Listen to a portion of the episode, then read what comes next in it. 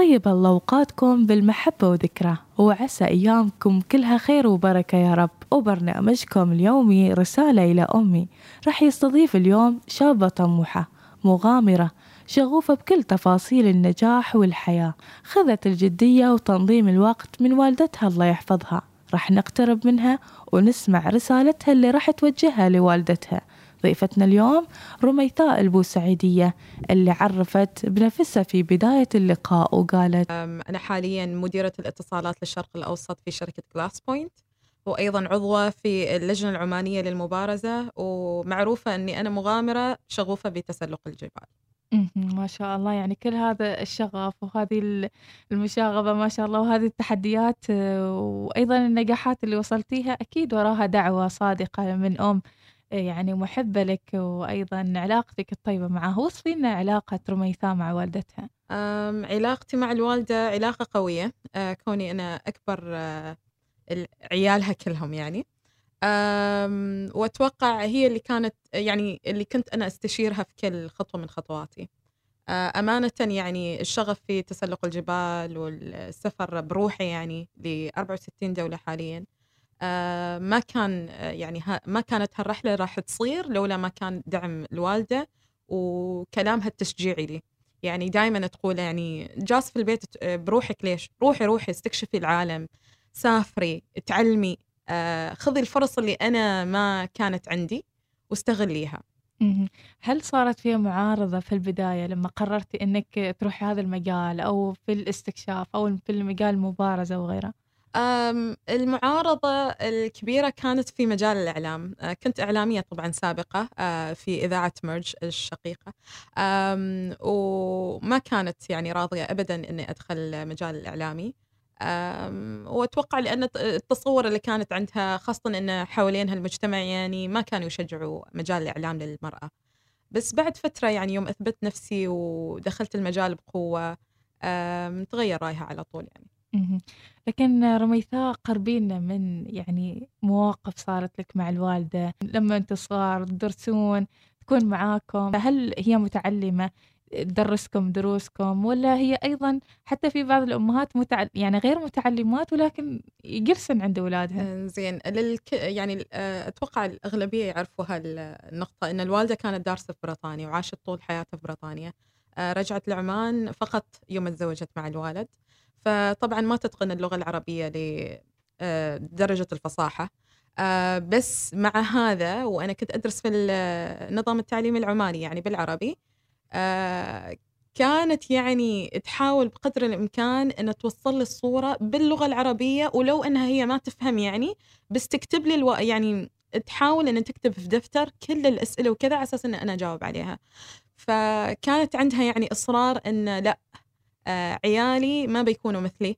آه، عيالي راح يكونوا أحسن مني. آه، راح يتقنوا كل الثلاث لغات. الحمد لله نحن في البيت نتقن ثلاث لغات. و... ولهذا اليوم يعني مع إخوان الصغار اللي هم الحين داخلين الثانوية بعدها مصرة إنها تراجع معاهم الدروس وكذا والحين تتقن اللغة. على عكس يعني على أيامي يوم بديت. إذا تفاصيل جدا جميلة. أكثر الأشياء اللي تحبينها من الوالدة وتشتاقينها لما تسافرين آه، برا عمان. أمانة يعني شخصية الوالدة شوية صارمة. يعني كانت تمشينا وللحين تمشينا كنا نحن في في الجيش. آه وكل عيال خالي وخالاتي يخافوا من هالنقطة إن الله يعينش أنت عندش يعني عمة مليحة يعني صراحة صعبة يعني شخصيتها. آه بس هذا الصراخ وهذا يعني الشخصية اللي أنا يعني أشتاق لها كل ما أسافر ولازم أتصل فيها أغيظها على أساس تصرخ علي وأرتاح أنا نفسيا يعني. تعودتي. تعودت خلاص على هذه الشخصية. يوم تكون مرحة معانا يعني لا إن في شيء. لا لا لازم ترجع لهذيك الشخصية ونغيظها شوية على أساس انها تنفجر علينا نرتاح إنه لا خلاص الوالدة أوكي. ان امورها طيبه إيش أكثر الأشياء اللي تزعجها منكم يعني؟ آه الرقم واحد ما ننظف غرفنا. بالنسبة لي أنا لأن أسافر كثير وكذا آه، كلامها اللي يعيد ويزيد أن رميثة أنت مخلية البيت كأنه فندق. جاية تاكلي وتنامي وخلاص وطلعي لا تساعدي في التنظيف لا تساعدي في كذا. فهذا الكلام دائما يعني يقرا ان نحن ما ننظف.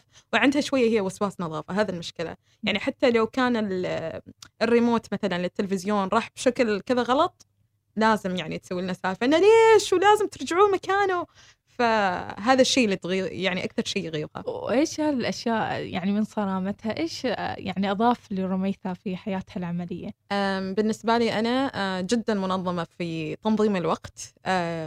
يعني من يوم أنا صغيرة كنت أنظم وقتي للدراسة للواجبات أه، للرياضة. أه، كرة القدم كنت أمارسها من يوم صغيرة للنوم. يعني فهالنظام لي هذا اليوم يعني ماشي معي وحتى في العمل صرت أن أنا أنظم وقتي وأنظم كل شيء على حسب هذا فصار الأجندة اللي عندي في التليفون والكالندر أه، أه، رفيق الدرب يعني.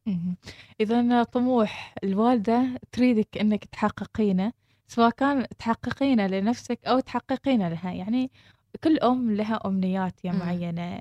فإيش الحلم اللي والدة رميثا تتمنى إنه يتحقق؟ أم، ال- أتوقع وح- أحد أه، وأشوف العالم.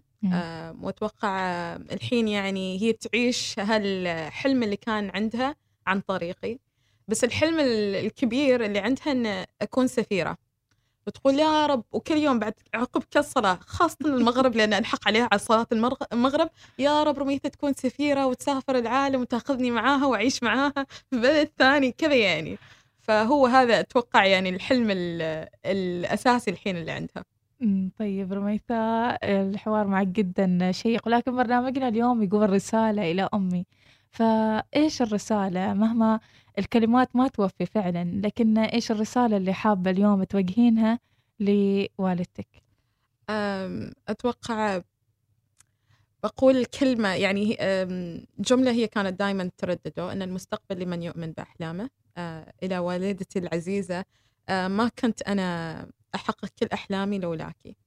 فتسلمي وجدا يعني ما أعرف يعني إيش كنت بسوي. يعني رميثاء ما كانت راح تكون بهالصورة لولا دعمك وإصرارك وطبعا أه، شخصيتك الصارمة. يا شكرا. سلام عليك يا رميثا قد يعني قشعرير. أصيح ولا أبتسم. مشكورة رميثا شكرا لك والله يوفقك. رميثاء البوسعيدية. وضحت لنا فكرة أن الحياة تهدينا أمهات مثل الكنوز ومهما كانت طبايعهن بتبقى قيمتهن عالية ما تتغير. وما أنسى أشكر تفاعلكم الإيجابي مع كل الرسائل وكل القصص اللي انطرحت في الحلقات السابقة عبر هاشتاج رسالة إلى أمي. نلقاكم باكر على خير. مع السلامة.